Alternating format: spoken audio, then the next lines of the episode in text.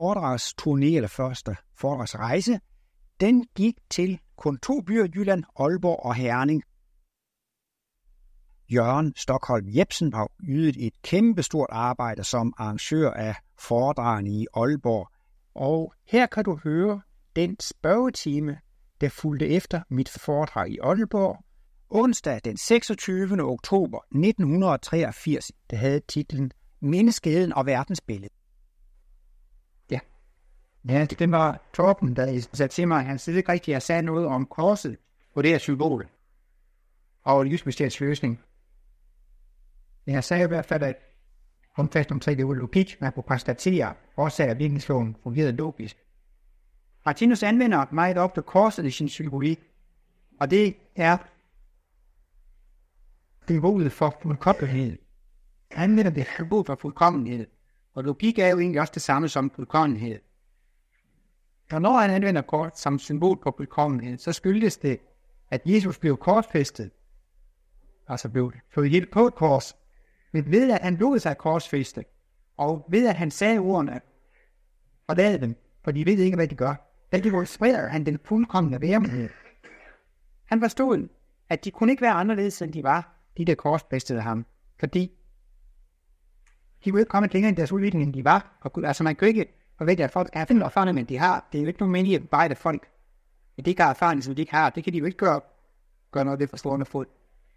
Så Jesus, i og med at han der praktiserede det fuldkommende ved her måde, og ikke at han ved en anden helt til, da det ikke skal på fuldkomne hver måde. Så korset symboliseres i Matthæus kosmologi udkommenheden. Det fuldkommende manifestation. Og i det her symbol, der har han altså anvendt det som symbol for logik. Ja. Det var jo stammende spørgsmål direkte forbindelse med symbolet.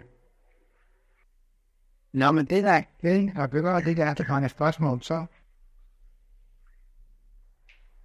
Der er også en ting, hvor vi går meget ind på. Og jo, resten så til den. Det er det der for et sted. Ja, havmand. Ja. Hvis nu nogle mennesker har en mørk kavne og en mørk skæb, er det jo ikke helt betydende med, at vi bare skal sige, det er deres skæbne, og det er deres kavne. Nej, og så stop.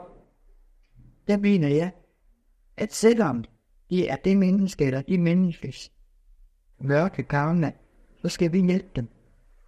Det godt igen. Ja, bestemt. Igen, det er mørke kavne.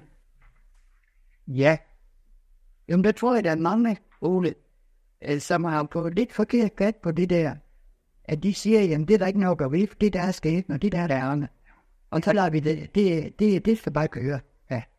Men øh, det kan ikke være meningen. Nej, det er så kun, at man har misforstået lidt af det. Man kan i hvert fald sige, at, at det er faktisk tit stødt på det der. Jo, det er da rent nok, det er også. Det er ikke, hvordan vi skulle give i det. Altså, jeg har hørt den her historie med en svensk øh, industrimand, jeg tror, han var en eller sådan noget. Han var på besøg i Indien, på den forretningsforbindelse der, og den svensker ville gerne vises rundt i en af disse indiske storbyer. Og det viste sig jo, at der var en stor nød og elendighed i disse byer, men det fik han ikke at se sin engelsk, men han insisterede på, at han gerne ville se noget af Slovitariet. Der kom han så til at se noget af de mest fattige kvarterer, der sagde svenskerne så netop ham jamen, jamen gør I da ikke noget ved det? Hvorfor gør I ikke noget ved det her? Så svarede hans indiske vært, jamen, det er jo deres karma. Så blev altså vred så oprørt, at han gav ham inderne ordentlig en på skrigen med ordene, det er jo din karma. og det viser sig jo så, så havde han jo ikke noget, der røvl over, at han fik den der på, på stenen. Men, men det viser, man kan næsten sige, at det argument, det er faktisk en måde at skjule sin egne, sin egen manglende næstekærlighedsevne på. Fordi selvfølgelig er det deres skæbne. Men det der er udviklingsmål, det er, at vi skal udvikle os hen til det 100% humane mennesker, det er jo kærlige mennesker. Og det bliver man i og med, at man praktiserer næstekærlighed. Der er nogle mennesker, der skal have en mørk skæbne, og der er nogle mennesker, der skal have en lys skæbne. Men det, der drejer sig om, det er at blive guddoms redskab for at få lov til at manifestere den, den lyse skæbne. Og i og med, at man ikke vil hjælpe andre, når de er i nød, så får man også selv den mørke skæbne, at man ikke selv bliver hjulpet, når man er i nød. Men, men meningen, og det er jo i den grad det, Martinus kosmologi vil inspirere til, det er at praktisere næste kærlighed. Det er at hjælpe andre. Ja, men netop det der, det, det købt flere gange, på et aktivt, det er kosmologi. Ja, at det der, det er deres skæbne, og det er der bare ikke noget ved. Ja. Og det synes jeg jo, at der er helt forkert. For det er da også helt gerne. Nej, altså, så det er ikke noget ret navn. Nej, som jeg siger, det er faktisk en måde at skjule på, at man egentlig ikke selv er så næstekærlig. Og, og det vil altså sige, at man, man, man gider egentlig ikke rigtig hjælpe, man har ikke meget lyst til det. Så må man finde et eller andet logisk argument for at slippe for at hjælpe det. Og så kan man bruge det som en argument. Det er deres karma, så slipper man for det. Men det er bare skjul for ens egen manglende humanitet faktisk. Fordi hvis man virkelig var human, så ville man jo hjælpe dem. Man vil ikke hjælpe dem, så vil man gerne ligesom en logisk teoretisk overbygning for, hvorfor man skal ikke hjælpe dem, når det er deres skæbne. Men man får jo selv den skæbne, at man ikke bliver hjulpet, når man er i vanskeligheder. Og når man så selv har oplevet det tilstrækkeligt mange gange, at man ikke bliver hjulpet, når man selv er i vanskeligheder, ja, så det sidst, så, så ved man, så kan man føle på sig op, åh, hvor er det forfærdeligt, ikke at blive hjulpet. Og når de så ser nogle mennesker ikke blive hjulpet, så kan de ikke lade være med at hjælpe, fordi de har selv været i situationen tilstrækkeligt mange gange. Og øh, det er så muligt, at der er nogen, der ikke har så meget medfølelse på det punkt. Men så kan det jo være, at de selv bliver svigtet. Og så vil jeg føle på sin egen krop, får mere medfølelse. Har du set den før? Jo, jeg har godt set den før. Ved ikke helt, hvordan du er i sammenhængen her, eller hvad du har. Fordi at, øh, det er så tit, at der er nogle mennesker, der spørger, hvordan udvikler vi os, ikke? Ja. Altså, og, øh, altså, det for så vidt også er en udvikling, for vi Jo. skal frem Ja, mod det. er også en del af verdensfrihed. Ja. Men det Jørgen er inde på her, det er analyser af menneskets seksuelle tilstand, af menneskets seksuelle struktur, og analyser af menneskets seksuelle udvikling. Og øh, det er behandlet i femte bind af livets bog. Martinus skriver og det kommer andet ikke den seksuelle udvikling i 5. bind af livets bog, og den er for nylig udkommet på Borgens forlag. Og jeg hvis ikke så dyrt, som det er de andre, koster lige kun 175. Der er noget kommet. Jeg er da hørt, den skulle være kommet den 5. oktober, den gang her i oktober. Og der har Måns Møller lavet en tegning af forskellige seksuelle tilstande, og hvis jeg skulle sige noget om det, så har jeg, vil jeg måske... Jeg vil da gerne sige noget, det kører måske lidt vidt, men hvis det ikke er sådan nogle presserende spørgsmål, så kan jeg godt gå og og tænde lidt om det, eller snakke lidt om det. Mm-hmm. Jeg har jo talt om, at vi udvikler os igennem dyreriget, og her er altså forskellige udviklingstrin i dyreriget. Og den fede dobbeltlinje her, det symboliserer midten af dyreriget. Og det her, det symboliserer slutningen af dyreriget og begyndelsen på det rigtige menneskerige. Når man bliver et rigtigt menneske, så er man altså et kristusvæsen. Så er man et dobbeltpolet væsen, som får denne dybgående åndelige oplevelse, som gør, at man får kosmisk bevidsthed, så man bliver et med faderen, et med Gud, så man får direkte adgang til vidensocean, som Martinus også havde. Han havde direkte adgang til vidensocean, og derfor kunne han skrive denne kosmologi, som han har skrevet, uden nogen nævneværdig uddannelse. Og det, øh, Martinus forklarer, det er, at hver lille væsen indeholder i sig to seksuelle poler. Og med den grønne farve symboliserer den maskuline pol, og med den gule farve symboliseres den feminine pol. Og i midten af dyreriget, der er man så enepolet, som man kan være. Sige, at det her væsen er det hankønsvæsen. Den maskuline pol dominerer over den feminine pol. Og her er det sådan, at den feminine pol dominerer over den maskuline pol. Og det er et hunkønsvæsen. Matthæus bruger også ordene. Den her er handen ordinær pol, den maskuline pol. Og det der, det er ikke en sekundær pol. Man kan godt kalde den her for den seksuelle pol, og den modsatte på den intellektuelle pol. Hos kvinden, der er hendes feminine pol, den seksuelle pol, og den modsatte pol, det er altså hendes intellektuelle pol. Det er i virkeligheden kun halvkunstvæsener, men er faktisk kun det er et halvkunstvæsen. Og i dyreriet, der er vilkårene altså meget hårde og barske. Der er ikke nogen social hjælp, der er ikke nogen næste kærlighed. Den eneste form for kærlighed, man træffer i dyreriet, det er samtidig den kærlighed, man kan træffe mellem to halvkønsvæsener. Det er måske også logisk nok, i og med, at så er man to halvkønsvæsener. Man er sammen i en seksuel akt, så har man samtidig et kunstigt dobbeltpolet væsen. Og det er sådan set den eneste måde, man kan blive et helt væsen på i dyreriet, Og derfor er det altså også det største lys og den største lykke, man, man kan opleve der. Men ellers, så gælder princippet i dyreriget en hver af sig selv nærmest. Man skal kun tænke på sig selv, og hvis man ikke gør det, så dør man sulten, og så bliver man et af andre. Og det vil sige, som på før, man skal opleve livet, Og for at opleve livet, så må man jo have livsoplevelsesredskab, og det formår man virkelig sørge for sig selv. For her har vi i virkeligheden i midten af dyret kulminationen af egoismen. Og vi skal altså udvikle os frem til at netop praktisere det modsatte princip, at mere udfordret af næste kærlighedsprincippet og hele tiden sige, hellere tjene andre, end selv blive tjent. Hellere tænke på andre, frem for først at tænke på, på ens selv. Og herovre kan man med den her gule farve se, hvordan det humane princip bliver udviklet. Men humaniteten udvikles, og som jeg har været inde på tidligere også, at det er lidelserne, der udvikler en. Fordi man er født i sin egen krop, så får man medfølelse, så får man humanitet. Så der foregår altså en gevaldig udvikling af, af følelsen, eller af, af, af, næste kærlighedsevne. Den, den orange farve symboliserer det dræbende princip, som kulminerer og dominerer dyret i, men det, vi udvikler han frem til at praktisere næste kærlighed. Og i samme takt, som vores humane evne udvikles, der udvikles vores polstruktur også. Når vi bliver mere og mere humane, så udvikles vores poler. Vi skal altså udvikle en enkelt pol til dobbeltpolet, og der er man måske midtvejs halvanden, halvanden polvæsen. Og hvis man skal have nogen et mål for, hvor langt man er kommet i poludvikling, om man er dobbeltpol, eller man er en pol, eller man er tæt, eller man er ikke tæt på. Ja, målet for, hvor langt man er kommet i poludvikling, det er ens humane evne. Det kan måles i, hvad man kan vinde og gøre, og hvad andre, hvad man ikke, ikke kan vinde og gøre. Jo mere human, jo mere næstekærlighed, jo mindre ondt man kan ind og gøre ved andre, desto længere er man nået i denne poludvikling. Den siger, at vi, vi, vores seksuelle polstruktur den forandrer sig sådan, at vi udvikler fra det ene polvæsen til at være dobbeltbolede væsener. Og denne udvikling kan foregå uden at det sker nogle nævneværdige problemer. Men man kan også godt komme ud i visse hvis øh, seksuelle afsporinger ved at komme ind på forskellige seksuelle eksperimenter som videre. Jeg kan sige, at jordens nuværende menneskehed befinder sig på de her to udviklingstrin, som Martinus kalder de ulykkelige ægteskabers zone, og her træffer vi de lykkelige ægteskabers zone. Her i dyreriet, der er dyrenes instinkt så stærkt, at man går sammen med den samme partner livet ud. Ens forelskelsesscene er så stærkt en varde. Men efterhånden så degenererer vores instinkter, og vi begynder at udvikle vores humane evne. Og den humane evne, den øh, det siger jo, at man tænker på andre end sig selv, sin næse i Man begynder at tænke på andre. Vi kan tænke på biblioteksvæsen, skolevæsen, hospitalsvæsen, kunst, musik, litteratur, videnskab.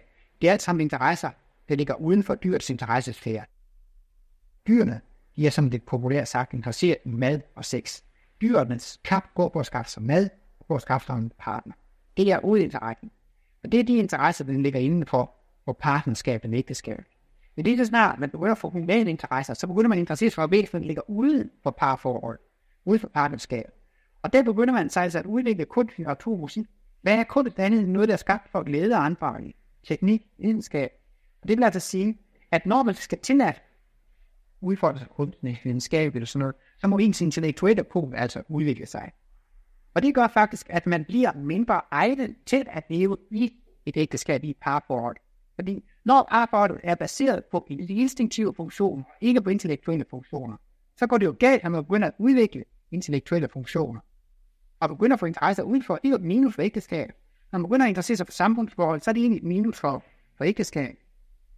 Og det Jørgen så bad mig om, det var altså at komme lidt ind på, hvordan denne seksuelle forvandlingsproces kan, kan foregå. Og det der, det er altså Mogens Møller, som har opstillet et vist schema. Jeg tror egentlig ikke, at det skal tage så bogstaveligt. Martinus har skildret menneskehedens seksuelle struktur. Jeg tror ikke, man er ikke helt sikker på, at... Uh, i forbindelse med en artikel, han skrev i en kosmos ja, års ja, uh, ja. For jeg synes, det er været så godt. Og, så, ja. Jo. På nogle områder synes jeg, det kan være lidt... Nej, det skal være fint. Det behøver ikke nødvendigvis at være, for vidt jeg opforstået, så behøver det ikke at være sådan, at når bussen kører i et spor. Jeg mener, man kan godt få på fra gruppe C til OVH, uden man behøver at, at, at køre igennem der, for eksempel. Men ja. her er altså øh, en udvikling fra enpolede væsener til dobbeltpolede væsener. Og det, man, det, man, han kalder altså dem A-mennesker. A-mennesker, det er mennesker, der lever i lykkelige ægteskaber zone. Det er mennesker, som er meget enbrudede. De har ingen interesser praktisk for samfundet eller for samfundsforhold. De er kun interesseret i hjemmet og børnene og magen og afkommet. Og de lever altså meget, meget lykkeligt i ægteskaberne, og de har simpelthen ikke nogen problemer. Der er ikke nogen skilsmisse problemer, fordi instinktet fungerer stadigvæk så godt, så i kraft af deres forelskelsesevne, så er de forelsker hinanden hele livet. Der er ikke nogen skilsmisse problemer. Her har man noget det der B-mennesker, og det vil sige, at man kan det komme ud øh, i visse seksuelle afsporinger, på grund af, at man har et unaturligt seksuelt liv. Det kan være på grund af, af økonomiske forhold. Det kan være, at man, man, at man egentlig var bedst egnet til at leve i et ægteskab. Men på grund af økonomiske vanskeligheder eller andre seksuelle eksperimenter, så kan man begynde at prostituere sig selv. Det kan både mænd og kvinder kan jo gå ud i, i seksuelle øh, prostitutioner. Og jeg har, ikke, jeg har ikke sagt, at alle prostituerede er for det udvikling, men hvis der er nogen, der prostituerer sig på det udvikling, så, så, så, så må de altså i gang med at få opfyldt deres seksuelle og Ikke fordi de har et naturligt behov, men fordi de får penge for det. Og øhm, det kan fx også være mænd, trækkerdrenge, som simpelthen finder ud af, at de kan få store penge ved at gå i seng med andre mænd. Ikke fordi, de har nogen som helst tiltrækning til disse mænd, de går i seng med, men fordi, at de kan få store summer af penge af dem. Og nogle gange, der kan de ligefrem bruge så vidt, at de så bagefter benytter det som pengeafpresning og sidst udplyndrer de altså disse mennesker totalt.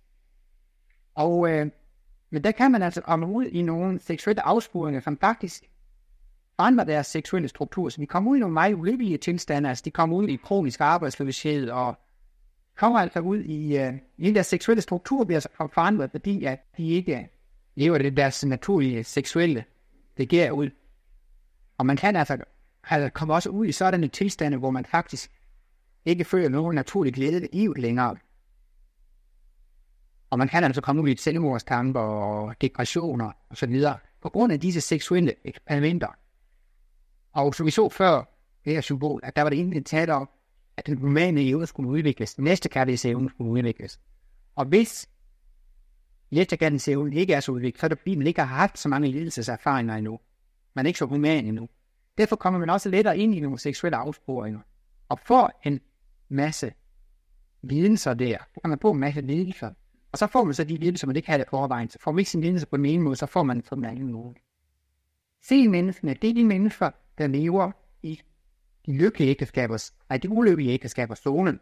Og her har man det tegn, at hendes maskuline pol er blevet udviklet den hele og mandens feminine på, Det vil sige, deres intellektuelle på er blevet udviklet. Det vil sige, at de har brugt mange interesser, der ligger ud over ægteskabet. Og det er sådan set et minus for ægteskabet. Og især i det tilfælde, hvor de ikke har lige stor interesse ud over ægteskabet. Den ene kan lige frem blive jaloux. Skal du nu gå til de der kunst igen? Skal du nu til de der møde igen? Skal du nu til det og det og det? Og det?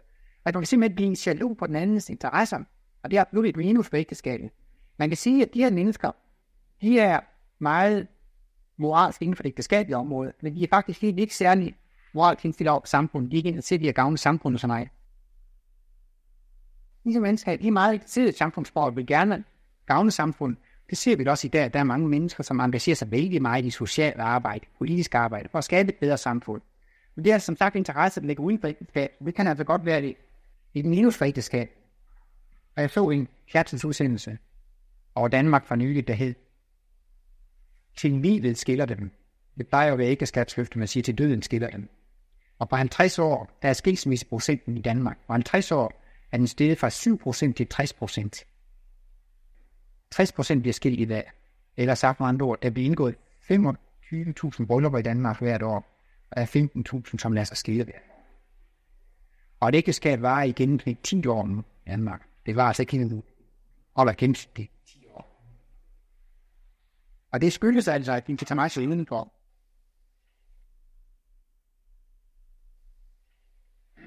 Men man kan altså godt komme udenfor, at, at mands feminine pol bliver åbnet for tidligt, så at han bliver bevidst i sin feminine pol.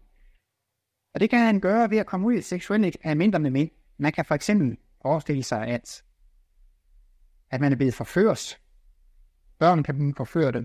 Man kan også forestille sig, at mænd i, i fængsler må hjælpe hinanden til seksuel udløsning, fordi der ikke er nogen kvinder til stede. Det kan være soldater, der ligger på fronten, hvor man også hindrer naboen til en seksuel udløsning, eller det kan være simpelthen af økonomiske grunde.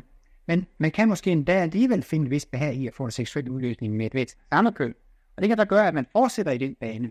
Og det kan altså gå så vidt, at man bliver så åndelig, også hvis det er et barn, der bliver forført, hvis det er en dreng, der bliver forført af en mand, så kan dette barn altså, der er kommet et helt nyt tanke op ind i deres bevidsthed, og det kan altså tænke utrolig meget på det, der skete der.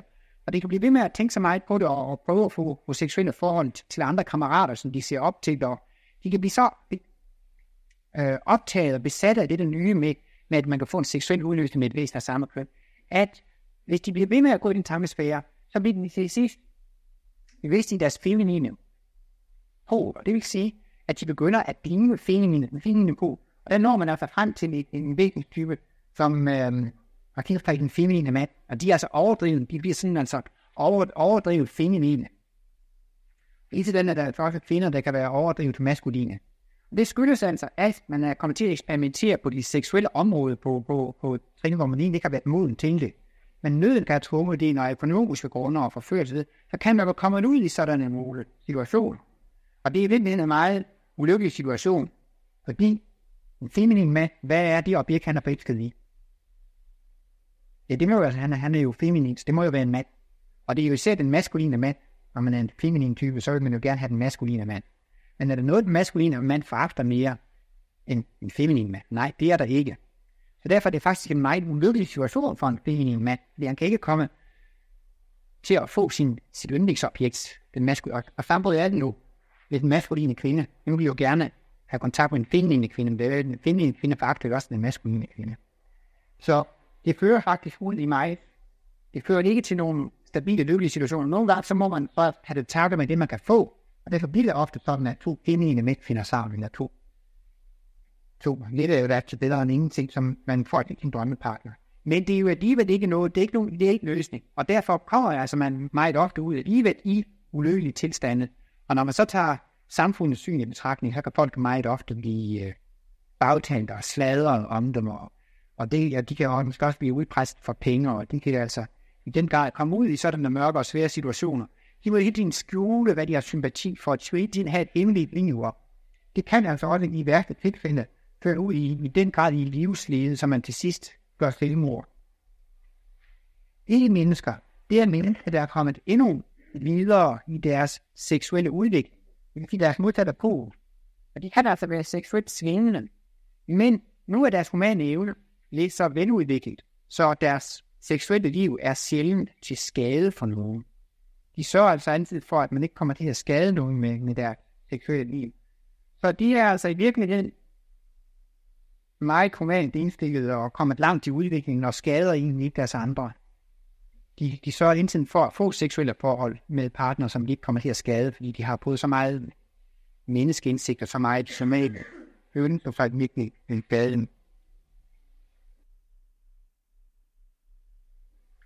ved det. Men øh, det at blive en tilstande, man kan altså, man kan altså for eksempel, når der kommer økonomi ind i spørgsmålet, have svært svært ved at få en seksuel udløsning, fordi en, en prostitueret for eksempel så har massevis af samlejer hver dag, for det sidste jo ikke, hun skal jo bare distancere sig fra kunden og, og, og få ikke sin naturlige udløsning ved det længere fordi det, kønsorganerne bliver jo helt overdrevet ved. Så der må stærkere og stærkere midler, stærkere og stærkere piringsmidler til for at skaffe sig en udløsning. Og der begynder der meget ofte at komme vold med sadisme med ind i billedet, for at man kan få en seksuel udløsning. Og det kan altså gå for i de værste tilstande, at, at man simpelthen skal se, altså man skal simpelthen plage andre. Og det går altså så vidt, at man ligefrem skal tage livet af andre for at få en seksuelt tilfredsstillende udløsning. Der det, det hører man jo også med jævne mindre faktisk, altså disse mennesker, der er ofte for, for seksuelle forbrydelser og bliver dræbt ved den. Og det kan altså gå så vidt, at man ligefrem kan se mennesker eller dyr indebrænde for, at man kan få en seksuel udløsning. Men det skyldes altså, at man er kommet ind på, på et fejl spor, enten på grund af økonomik eller, eller, eller andre forhold. Og det her, det er for mig et lidelsesfyldte tilstande. Men når man på det seksuelle område kan risikere at komme ind i lidelsesfyldte tilstande, så skyldes det altså, at man ikke havde sin humane evner så meget udviklet. Og det vil sige, at disse mennesker får deres humane udvikling, humane udvikling, ved at de får hjælp på det seksuelle område. De mennesker, der er gået en mægtig lidelser på det almindelige område, har fået sådan en human evne, så de ikke kommer ud i sådanne seksuelle afsporinger. For man kan sige, at man skal have den lidelse, man skal have. Og nogen får den på den ene eller på den anden måde. Men man behøver slet ikke at komme ind i seksuelle afsporinger. Og netop med, at når den humane evne er meget stærkt udviklet, så er man beskyttet mod at komme ind i sådanne seksuelle afsporinger, som giver sig udslag i lidelser og ulykker. Og her har vi altså få mennesker. Et af seksuelle mennesker er meget højt intellektuelt, etisk og helt standard.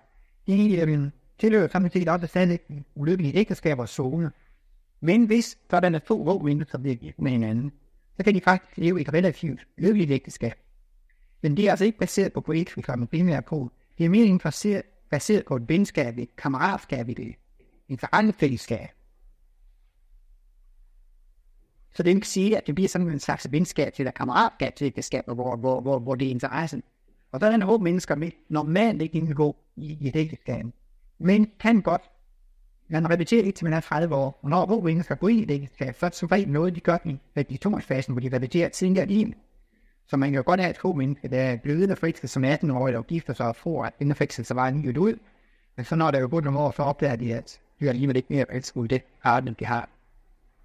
Så håb så kan leve, de kan leve uden gifte.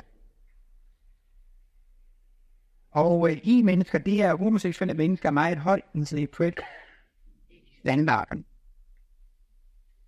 Det man kommer frem til det sidste, det er jo, at den er dobbeltpolevæsen. Vi skal både rumme det bedste i mand og det bedste i kvinde. Dobbeltpol, vi skal have alle egenskaber i os. Og det vil sige, at vi skal også lære at elske andre mennesker. Ægteskabsloven i Moseloven, hun siger, du må ikke bedrive hårdt. Det, det er jo virkelig en reformering af vores, af vores forpligtelse, fordi vi må kun være fælles ved at det modsatte køn, og kun i en enkelt skæbne af modsat køn. Det er faktisk umuligt at opfylde ægteskabsloven, samtidig med, at man skal opfylde næstekærlighedsloven. Næstekærlighedsloven siger, at man skal elske alle som sig selv. Og ægteskabsloven siger, at man må kun elske ét, og ét menneske er modsat køn. Så det er en konflikt, og det er umuligt at opfylde. Man kan ikke opfylde begge dele på samme tid. Og det er kun disse mennesker her, der kan opfylde Moselovens bud til punkt og prikke, at du må få en din ægte mage. Men vi skal udvikle os frem til at kunne elske alle. Og derved har man frem til pladser, hvor man faktisk ikke har favoritter. Et virkelig har fået kaldet ingen favoritter, der har man sympati for alle. Det vil sige, at vi kommer også til at udvikle os frem til en tilstand, hvor vi har sympati for væsener af vores eget køn. Og man kan jo se, at det allerede er ved at vokse prækken. Fordi tidligere, så var mænd jo rivaler, fjender, konkurrenter. Det er man jo træffe dem i de bedste kammeratskaber og venskaber, og en virkelig forstår hinanden. Og de gode venskaber og kammeratskaber, de findes godt hos kvinder. De er også tit rivaliseret og lavet intriger og alt muligt for at opnå deres mål. Men den kan også hos kvinder træffe en meget fine venskaber.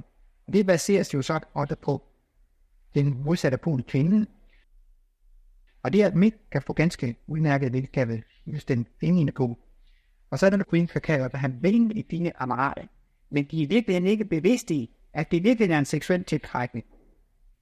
Fordi den feminine pol er ikke noget aktivt dagsbevidsthed. Disse mennesker, som kører den her udvikling, har der, der når, altså ikke mennesker, de er, de er svingende, men altså, man kan udmærket godt udvikle sig fra lykkelige ægteskab og zone til en ulykkelig ægteskab og zone, og så få se mennesker til et H-menneske. Her bliver spørgetimen afbrudt, fordi der ikke var mere plads på kassettebåndet. Jamen her bagefter vil jeg gerne tilføje lidt om e-mennesker og om Mogens Møllers schema. Det var nemlig sådan, at Martinus selv var ikke særlig tilfreds med Mogens Møllers schema, og heller ikke med den med forklaring, der fulgte til. Og det er jo klart nok, Mogens Møller levede jo i ægteskab og var et ægteskabsmenneske, og Martinus var jo fuldstændig dobbeltpolet og slet ikke noget ægteskabsmenneske. Martinus syntes måske, at skemaet gjorde det meget forenklet, og det er jo det, et schema gør det jo nemt og overskueligt, men det gør det altså lidt forenklet. Og lige i den her situation kan det godt se ud som om, at man ikke kan gå direkte fra C til H-menneske, men at man skal igennem dette at være et I-menneske. Så men man kan altså udmærket godt gå en vej fra A til C til A-menneske. Og det kan jo så netop være en lille svaghed ved at gøre det så skematisk, at man får det indtryk, at man skal igennem et E-stadium for at blive et H-menneske. Martinus skriver kun et stykke om E-mennesket, og det gør han i livets bog, B5, stykke 1866. Og der skriver han, at E-menneskene kan være seksuelt tiltrukket til det modsatte køn, men også til deres eget køn. Og disse E-mennesker, de er altså biseksuelle, og de kan have forskellige perioder i deres liv, hvor de er tiltrukket til det ene køn, og perioder, hvor de er tiltrukket til det andet køn. Og E-menneskerne er jo på lidt forskellige udviklingstrin, men Martinus skriver altså om de højere E-mennesker, at de kan være fremragende udviklede mennesker, som kan have kulturelle stillinger, og de kan være ledere af åndelige selskaber, og de kan have en meget høj udvikling. Og de har det også ligesom håb-menneskene, at de vil hellere selv afstå fra en seksuel tilfredsstillelse, end at de vil skade nogen med deres seksualitet. Og disse højere E-mennesker har jo tre kvaliteter, og han siger altså, Martinus i stykke 1866, at med en høj moral og en god intellektualitet og et godt gudsforhold, så kan E-menneskene godt gå igennem denne vej, uden at føle nævneværdige smerter og lidelser ved denne seksuelle polforvandling. Og jeg vil gerne lige uddybe de her tre ting lidt. For det første er det jo sådan, at hvis man, når man går ind i denne øh, biseksuelle zone som en menneske, hvis man har en høj moral, så er det jo det, at man beskytter andre mod, mod lidelse. Det er ikke sådan, at man vil tilfredsstille sin egen seksualitet på bekostning af andre. Og det kan man jo sige, det gør, det gør man jo altså, hvis det er voksne, der har seksualitet med børn, og hvis det er voksne, der tvinger andre og forfører andre og betaler dem for det og, og så videre, så er det jo for disse mennesker i første omgang vigtigst selv at få en tilfredsstillelse. Men man kigger ikke på, hvilke konsekvenser det har for den partner, som de har en seksuel akt med. Så en høj moral sikrer, at man ikke kommer til at skade andre med sin seksualitet. For det andet siger Martinus, at det vil også være en god beskyttelse at have en høj intellektualitet. Der findes jo mennesker, som gerne vil have seksualitet, men som ikke vil have faste parforhold. I litteraturen har vi jo den her type Don Juan, som har en utrolig stærk seksuel drift, en seksuel kraft, men vil ikke leve i parforhold. Og så kan man jo godt forestille sig, at her er der en mand og en kvinde, som indleder et forhold. Og øh, kvinden vil eventuelt gerne have et fast parforhold af familie, og manden vil kun have seksualitet. Og det snakker de om fra starten af, og så siger manden jo, jamen jeg vil ikke have faste parforhold og øh, børn. Og så øh, fortsætter de forholdet, og så en dag, så bliver kvinden jo meget ked af, at manden ikke vil have børn og fast parforhold. Og så siger manden, jamen jeg sagde det jo fra starten af. Men det er det, jeg mener at hvis denne mand havde haft en god intellektualitet, det så snart han hørte, at denne kvinde var interesseret i et fast parforhold og eventuelt børn, så skulle hans intellektualitet, han skulle tænke sig om at sige, Nå ja, men så skal jeg ikke indlede et forhold til denne kvinde, fordi resultatet vil blive en ulykkelig forelskelse. Man kan jo netop ved at leve som en Don Juan, både for mand og kvinde, være med til at påføre andre en ulykkelig forelskelse. Og der er jo også meget lidelse i parforholdene på grund af utroskab. Og mange øh, kan jo altså have levet sammen med sin ægtefælle i mange år og haft det dejligt, og sådan der opdager vedkommende, at den anden har været utro måske i en længere årrække. Så kan man spørge, hvad er vaccinen imod ulykkelig forelskelse og utroskab?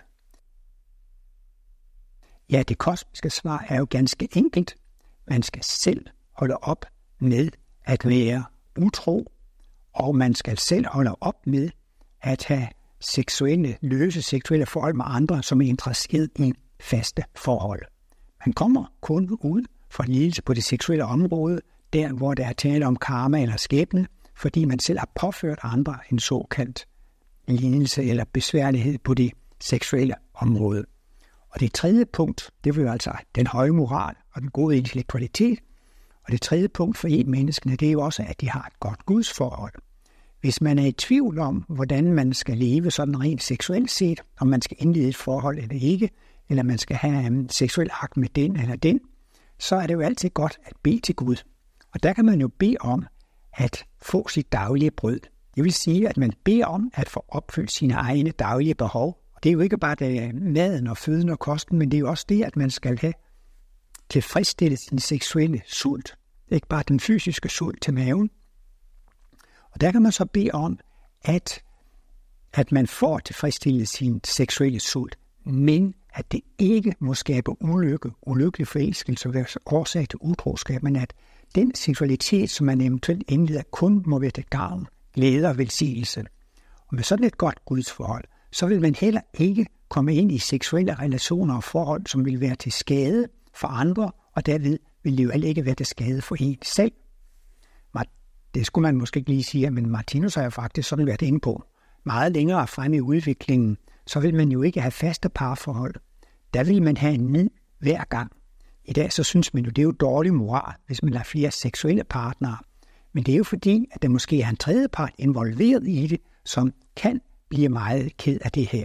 Men som Martinus siger, hvis to helt frie mennesker mødes, de har en seksuel akt, og de nyder det og er glade for det, så kan de også skilles som frie mennesker. Hvem kan have noget imod, at to helt frie mennesker mødes, har en seksuel akt og skilles som frie mennesker? Det er der ikke noget umoralsk i. Set med Martinus øjne kommer det umoralske ind, derved at man gør andre kede af det og påfører andre lidelse med sin seksualitet. Så derfor kan disse e-mennesker godt gå igennem denne form for seksuel forvandling uden nævneværdige lidelser, hvis de har en høj moral, en god intellektualitet og et godt gudsforhold. Men det er måske heller ikke så lidt at begære. Som sagt, så kan H-menneskene godt blive gift og have børn, men der sker det som regel ved, at dette H-menneske er blevet stærkt forelsket i ungdommen. Hvis et H-menneske bliver over 30 år, så er det ikke så stor øh, chance for, eller man kunne næsten sige risiko for, at vedkommende vil blive gift og få børn. Og de højere H-mennesker, de er jo også meget humane og kærlige. Et sted i livets bog, 5, siger han også, at H-mennesker de kan blive øh, meget fremragende udviklet inden for kunst og videnskab og, og kultur. Og de kan også ligesom have sådan en slags øh, aura af en barnlig uskyldighed, fordi at øh, de har en høj moral og et godt gudsforhold og brænder for at gøre noget godt for øh, menneskeheden. Så de højere H-mennesker, de føler ikke trang til at leve et parforhold. De har egentlig ikke særlig øh, ønske om at få øh, børn. Og ganske gradvis, så udvikler håb menneskerne sig over til at blive til I-mennesker. Og dette udviklingstrin har Martinus faktisk allerede beskrevet i Livets bog, bind 1, i forbindelse med 5. kapitel Jordmenneskehedens modtagelighed for den nye verdensimpuls. Og der analyserer han mennesker ud fra den følelsesudvikling, de har, og den intelligensudvikling, de har. Nogle er modtagelige for den nye verdensimpuls, og nogle kan stadig lade sig inspirere af den gamle verdensimpuls. Og i den nye verdensimpuls deler han dem så i tre kategorier. Og den første, det er ligevægtskategorien, hvor der er en tilpas ligevægt imellem følelse og intelligens. Så er der en følelseskategori, hvor følelsen er dominerende, og så er der en intelligenskategori, hvor intelligensen er dominerende. Og i sin beskrivelse af ligevægtskategorien, der er det faktisk den samme beskrivelse, som han giver i menneskene. De har ingen seksuel tiltrækning til det modsatte køn. De er ikke interesseret i ægteskab og børn og, og have familie. Et ingen menneske vil helt naturligt ikke kunne drikke alkohol. Det vil ikke drikke øl, vin eller spiritus. Det vil ikke kunne gå på jagt. Det vil ikke kunne være jæger eller lystfisker. Et ingen menneske er også fra naturens side ikke ryge. De kunne ikke forestille sig, at de skulle ryge. Det er noget helt indbygget i dem, at de er veganere, at de lever af plantebaseret kost.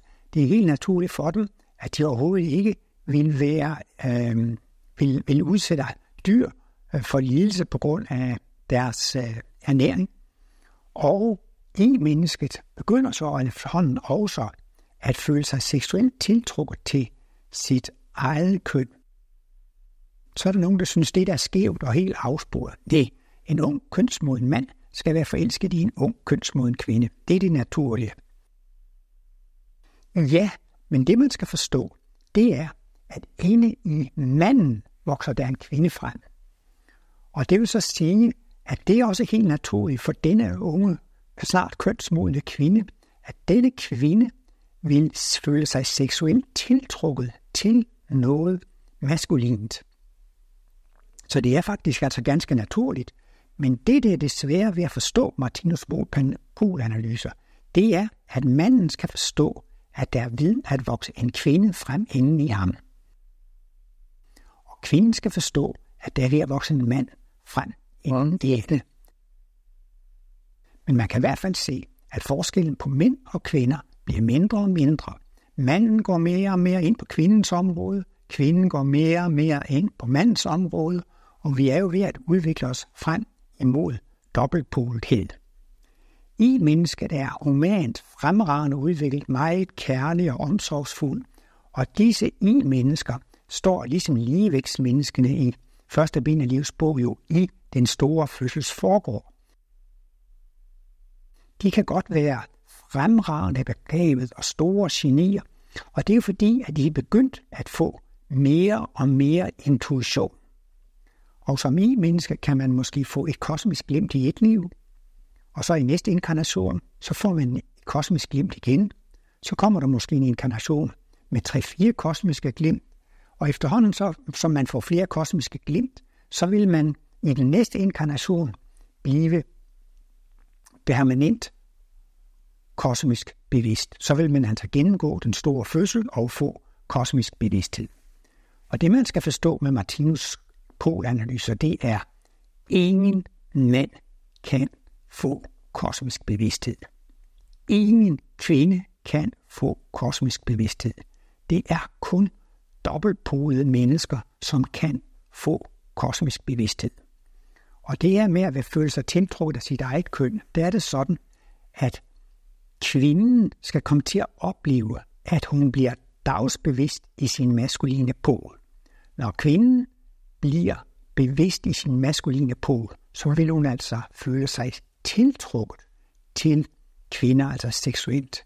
Det vil så sige, at hvis to kvinder sidder ved siden af hinanden på en arbejdsplads eller på en restaurant, og så begynder det at kilde dernede hos den ene af kvinderne, og til sin overraskelse, så føler hun en seksuel tiltrækning til den kvinde, der sidder ved siden af. Og der er hun så ved at blive dagsbevidst i den maskuline pol i sit væsen.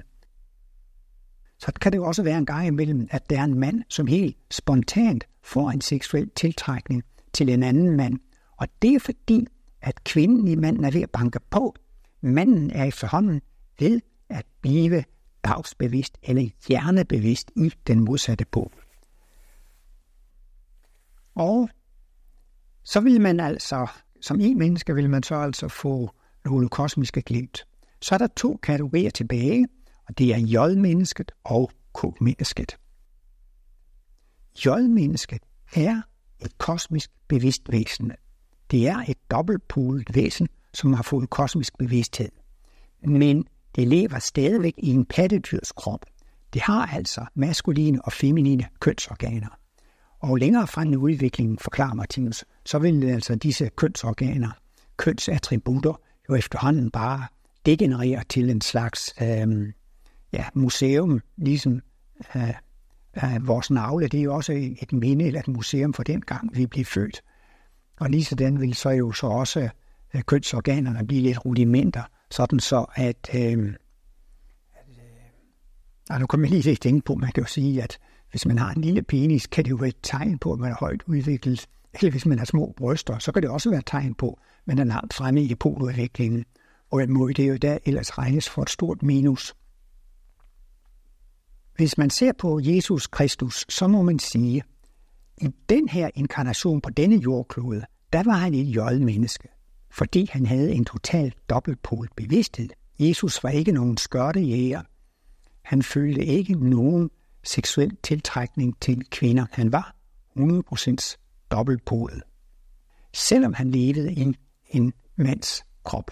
Han kom fra en højere verden. Og man må jo også sige, at Martinus i denne inkarnation var inkarneret i en mands krop, men hans bevidsthed var totalt dobbeltpolet.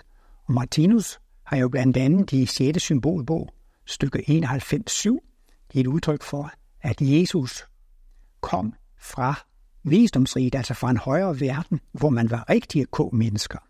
Fordi et k-menneske er ikke i en pattedyrkrop.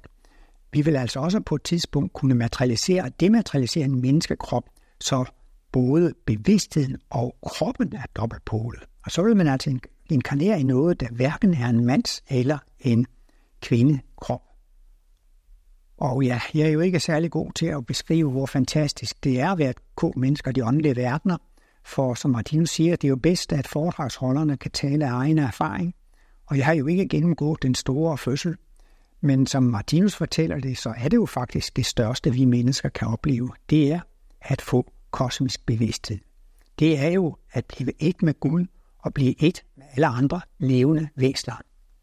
Martinus han fortalte jo om, hvordan han oplevede den hvide ilddåb den 23. marts 1921, og det var en kristusvision, hvor han så en kristusfigur i det fjerne, der kom nærmere og nærmere og nærmere, og til sidst så gik den ind i ham, og han blev så indvidet i, at han skulle arbejde for Kristus missionen, og Martinus skulle være med til at fuldkommen gøre kristendommen, eller at føre kristendommen frem til sin fuldkommen gørelse.